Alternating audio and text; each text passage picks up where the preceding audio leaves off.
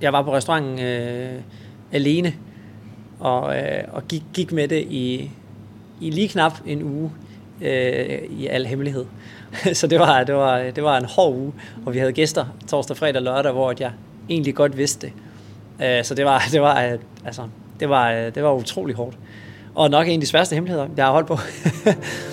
Vejle er bygget på søjler af innovation, vilje og traditioner. Men når hverdagen ramler, er der meget på spil for dem, der udgør ryggraden i Vejle Kommune. I denne podcast går vi bag om det, vi taler om i vores område, og finder ud af, hvad der egentlig skal til for at holde hjulene i gang. Jeg hedder Anders. Og jeg hedder Melissa. Velkommen til Vi er Vejle.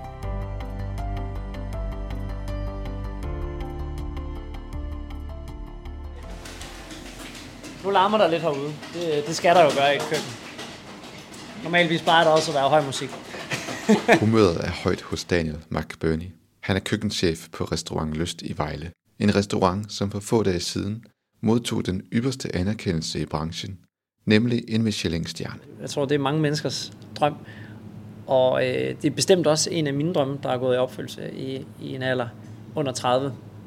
Øh, så, så jeg er utrolig stolt og, og og overvældet, og også ikke mindst over alle de øh, varme hilsner, man har fået bagefter. Det har været øh, mindblowing. Altså, det er helt vildt. Vi har sat os til rette i de lave lounge-stole ved siden af den runde bar, hvor køleskabene summer om kap, mens vi kan se ud på Vejle Havn. Her ligger restaurant Lyst på første sal i en af Vejles mest ikoniske bygninger, Fjordenhus, tegnet af kunstneren Olafur Eliasson. Her åbnede restauranten i 2019 med en af områdets mest betagende udsigter og høje gastronomiske ambitioner. Og Lyst er en, og en restaurant, hvor at folk kommer ind med, med tårnhøje forventninger, og, og det skal de også. Men også den, man kigger på den her bygning, og man ved jo næsten ikke, hvordan man skal øh, klæde sig, før man kommer, eller øh, når man kommer ind ad døren. Er det lidt snobbet måske? Er det lidt... Øh, og, og det tror jeg er vores opgave, øh, så, lige så snart de kommer ind ad døren, at de allerede ved inden for, for meget, meget få minutter, hold da op, nu sænker vi lige skuldrene og måske lige læner os lidt tilbage i stolen, fordi det er der godt nok nogle smilende, øh, rare mennesker, der er ansat her, som bare elsker deres job.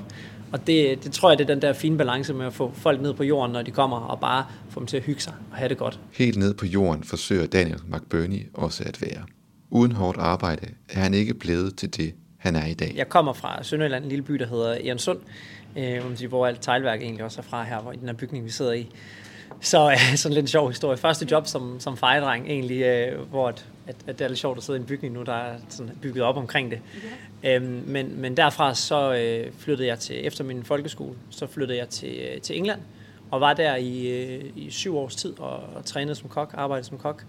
Flyttede tilbage til, til Danmark, da jeg havde meldt mig i Livgarden, øh, grundet noget, noget hjemvej i en periode, tror jeg, øh, da jeg havde været ude min, min, min familie rigtig de øh, syv år så øh, efter at have været i Livgarden, besluttede jeg mig for at gå ind i, i kokkebranchen igen. Arbejdede diverse steder i København. Var på AUC, hvor jeg brugte øh, øh, mange år. Øhm, og så tog jeg over på Dagnetær bagefter, øh, hvor jeg blev kontaktet øh, og fik et øh, sådan souschef tilbud derover. Så var der et par år og hjalp, øh, ja, hjalp med det, indtil at jeg blev øh, kom i kontakt med, med Morten Kirk til det her projekt, hvor jeg jo så er endt i dag. Så øh, det begyndte egentlig med, at, øh, at jeg blev ansat som køkkenchef på Remouladen, så vores søsterrestaurant, øh, som også er, er helt fantastisk, men noget helt andet. Og, og var der, og vi vidste meget hurtigt, øh, at, at vi skulle lave noget mere end, end Remouladen. Mathias står med lidt, øh, lidt krabber herovre, gør klar til, til i morgen. Jonas står og ryger lidt, øh, lidt øderovn her, kan jeg se, ud fra, øh, fra Jules Minde. Og så har vi Katrine herude, der er ved at lave lidt brød klar til i morgen. Lidt sur dej. Og ellers så har vi, øh, ja som sagt, opvasken herude, hvor vi ligesom hjælper hinanden med, med, med den, også øh, alle kokkene. Øhm, så, så efter et stykke tid, så, øh, så sagde Morten, nu tror jeg, vi er ved at finde, øh, hvad der skal, altså hvilken drøm jeg har, og vi skal prøve at udleve sammen. Vi skal bare have fundet ud af, hvad det skal være, hvor det skal ligge henne. Så vi talte lidt om, kunne man, kunne man lave en båd her ude foran i vandet, og jeg havde jo været med til rejsegilde her. Jeg har jo arbejdet med Morten i fem, næsten seks år. Øhm, og øh, så kiggede vi på hinanden, og jeg tror faktisk, at det var Marianne, Mortens kone også, der sagde, den her bygning her, den skal da, den skal da et eller andet sted hyldes øh, endnu mere. Så, øh, så da jeg så blev spurgt om, at at skal vi ikke øh, gøre det her? Så tænkte jeg, øh, jo, det var egentlig også min største drøm. Jeg, har, jeg sidder oppe på Remoladen og bare kan kigge over på den bygning hele tiden og tænker, øh, det her, det, øh, det må der da være et eller andet om. så øh, var så øh, var så heldig at, at, at få lov og ligesom løfte den, den ære øh, og kunne, kunne få det her til at, at blive noget, noget helt særligt. Det der er med vores mad, det er, det er, øh, det er enormt, øh, der er enormt mange varmretter. Som I kan se, er køkkenet meget småt. Øh, så selv hvis vi ville lave nogle retter op på forhånd og pynte dem op og lave dem super smukke og visuelle og have en masse ting i skufferne på forhånd, så ville det ikke kunne lade sig gøre på grund af pladsen her. Og, og vi kører jo ikke, vi kører 28 gæster mere eller mindre på samme tid, fordi alle kommer på samme tid. Så det er mange retter at køre af. Så det er faktisk varm mad. Næsten hele menuen er, er varme retter. Øh, og det synes jeg er jo en af de ting, jeg er mest stolt af, det der med at køre, køre varm mad på varme tallerkener. Det smager bare bedst. nu, du sagde, at du startede i kokkefaget. Du havde været fejedreng og kom til England og begyndte at træne til at blive kok. Hvorfor kok? Jamen, øh, det er et godt spørgsmål, fordi jeg har jo ikke sådan en eller anden kærlighedshistorie, øh, hvor jeg siger, at min, min bedstemor var god til at lave mad, eller min mor og far var god, fordi det, det er der ikke nogen af dem, der kan finde ud af. Jeg er opvokset på, øh, det ved jeg ikke om nogen af jer kan huske, med de der poser, frostposer med gulerødder, de der runde, der har de der sådan striber i, der er skåret med sådan et bestemt øh, mandolin, ja. Og de var jo allerede tilberedt på forhånd, men blev sådan gennemkogt alligevel fra koldt vand, og så bare most ud bagefter. Og det var sådan de, og det var nok derfor, man aldrig sådan rigtig har forelsket sig i, i sådan mad, fordi for mig har det bare været ja, det har ikke været øh, delikatesser og lækker hjemmebagte ting og sådan noget øh, i perioder. Det, det, det kan jeg ikke øh, prale af. Så det var lidt sådan, at det, det var lidt et tilfælde, tror jeg, mere end at det var en, en drøm, fordi at det er først noget, det er blevet til. Og nu er drømmen blevet til virkelighed for Daniel McBurney. Han er som 29-årig kommet i det fineste kokkeselskab, da han sammen med kollegerne i denne uge kunne fejre, at restaurant Lyst var blevet tildelt en Michelin-stjerne. Kan du huske, hvor du var, da du fik at vide, at i har fået en Michelin-stjerne? Jamen, jeg var på, øh, på restauranten. Jeg var på restauranten øh, alene, og, øh, og gik, gik med det i, i lige knap en uge øh, i al hemmelighed. Så det var, det, var, det var en hård uge, og vi havde gæster torsdag, fredag og lørdag, hvor jeg egentlig godt vidste det. Øh, så det var, det var, øh, altså, det var, øh, det var utrolig hårdt. Og nok en af de sværeste hemmeligheder, jeg har holdt på. men, øh, men ingen fik det at vide. Og og, og vi havde så glæde af at dele det sammen. Vi, vi var alle sammen på holdet, da det skete. Øh, vi spiste sammen, også, øh, også vores ejer øh, og ledergruppen. Og hele holdet var samlet, og vi lavede noget middag sammen og så, så det sammen. Drak en masse champagne bagefter og satte os ud til bålet og, og bare talte og hyggede os. Og uden nogen øh, journalister eller noget. Vi ville bare gerne have aften øh, for os selv helt privat og ligesom nyde det, fordi det har været, været et hårdt år. Mm. Øh, der er sket nogle, nogle, nogle private ting også i, i vores, øh, i vores regi med, med øh, tragedien med Morten. Så der var nogle ting, der lige skulle fordøjes og nydes og, øh, og fejres for, for ham. Ja. Morten Kirk Johansen var idémanden bag Restaurant Lyst. Efter længere tid sygdom gik han bort i januar 2021 i en alder af 47 år. Det var et dødsfald, som i høj grad har påvirket Daniel McBurney og resten af holdet på Restaurantlyst. Det har haft en, en kæmpe betydning øh, for mig personligt, øh, men, men også fordi, at øh, det var en, øh, en, en kær ven og en, en ejer og en mentor igennem mange år for mig, så det har været et, øh, et, et, et, et, det har været ubeskriveligt, hvor, hvor sørgeligt øh, en, en tid det har været. Men øh, Morten ville også have det fortsat. Øh, og hans familie vil rigtig gerne fortsætte, øh, ikke mindst til ære for, for Morten. Øh, og de er enormt stolte af det her projekt, og de er enormt øh, engageret og involveret i det her projekt. Det var Morten rigtig, rigtig meget. Han, han elskede det her projekt, han var så stolt af at være med i det, og det er lidt det samme med, med, med familien nu. De er, de er lige så stolte af det her projekt, og, og, øh, og jeg tror, de er mindst lige så rørt som mig øh, over det her, der er sket, og forhåbentlig der bliver ved med at ske alle gode ting. Det er, det er til ære for ham, og det er jo bare øh, fantastisk at kunne give, at jeg kan give sammen med resten af holdet, øh, familien, den her bekræftelse og den her, øh, den, det her glæde, som jeg ved ikke kun er hans kone og børn, men hele hans familie, der sidder og venner, og hvem du nogle gange måtte have ham kær, der, der ligesom kan unde, unde det her. Fordi det, det er fuldt fortjent for ham. Hvad, hvad afhænger menuen mest af, altså når du skal planlægge den? Jamen menuen, den er jo, den er jo klart, klart, øh, hvad kan man sige, omfanger mest øh, øh, grønt.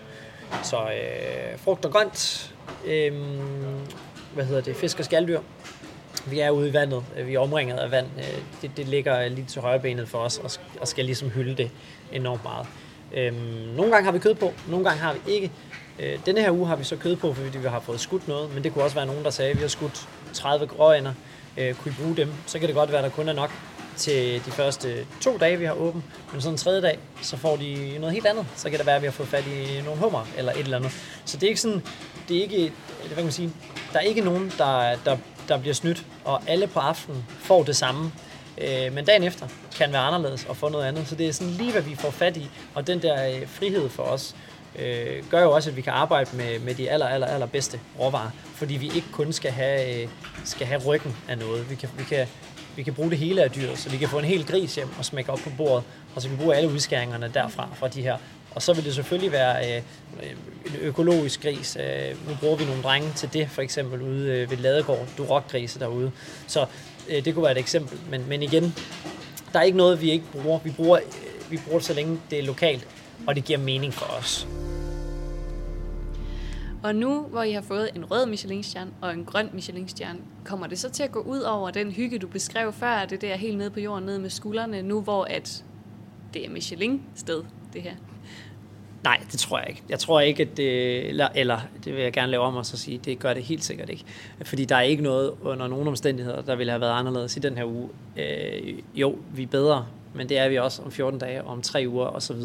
Øh, jeg tror øh, og håber på, at øh, der selvfølgelig også kommer øh, et andet, øh, nogle, nogle flere publikummer ind, øh, og måske også et helt andet publikum ind, og det kan godt være, at den del øh, sætter nogle andre øh, krav til det, og måske er det ikke altid dem, der øh, bliver mest glade, når de er her heller, fordi at, øh, der selvfølgelig er mange, der går ud og spiser efter Michelin-stjerner også.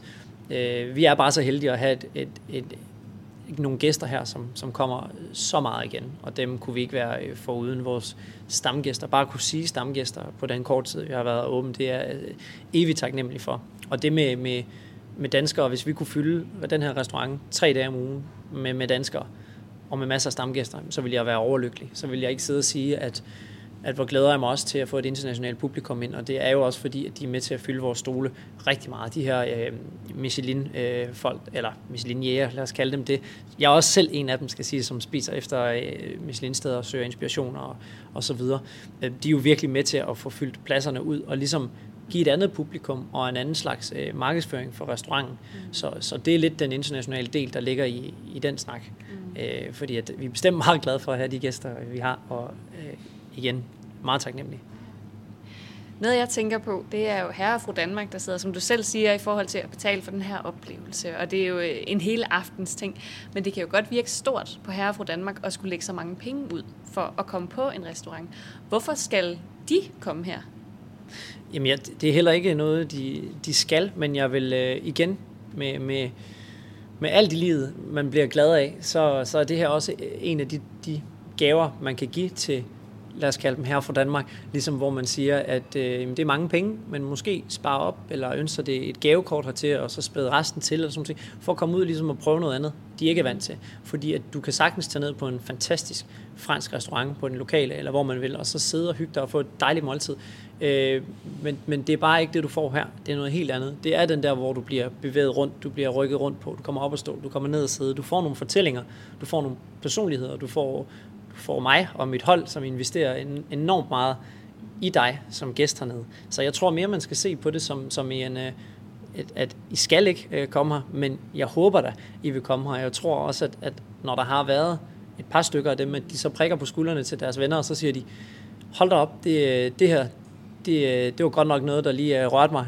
Det skal I lige spare op til og prøve, eller give nogle af deres venner gavekort på whatever prisen nogle gange måtte være Mm. og så, øh, og så ligesom hjælpe på den måde, fordi at det er, øh, altså, øh, lad mig bare sige det sådan her, og det skal jeg jo sige, men mine forældre har været her, og de er lidt øh, også definitionen af herre fra Danmark, og jeg er klart, det, det er mine forældre, så de bliver jo øh, 10 gange så glade for at komme herned, fordi det er mig. Men de er også øh, helt ærlige omkring det, og de synes jo, det er fuldstændig fantastisk, den der måde, man bliver bevæget på.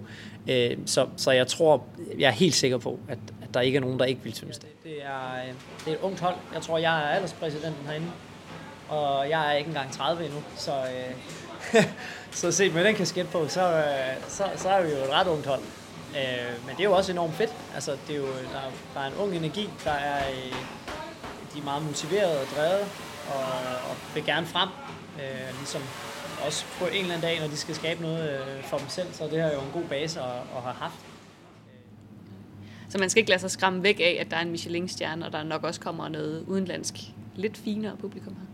Nej, det skal man, øh, det skal man bestemt ikke, hverken for vores vedkommende eller for gæstens vedkommende. Det, det bliver lige rart at være her, og det bliver stadigvæk mig, bliver, bliver mødt af, og hvis I sidder der og lige siger, ham Dan McBurney, tror jeg lige, han kunne øh, komme hen og sige hej eller eller andet, så er jeg der, og så kommer jeg og siger hej, fordi det er også mig, der, der er ude på gulvet, så vi er alle sammen er lige så ydmyge og, og jordnære, som vi altid har været i processen. Det vil ikke ændre sig.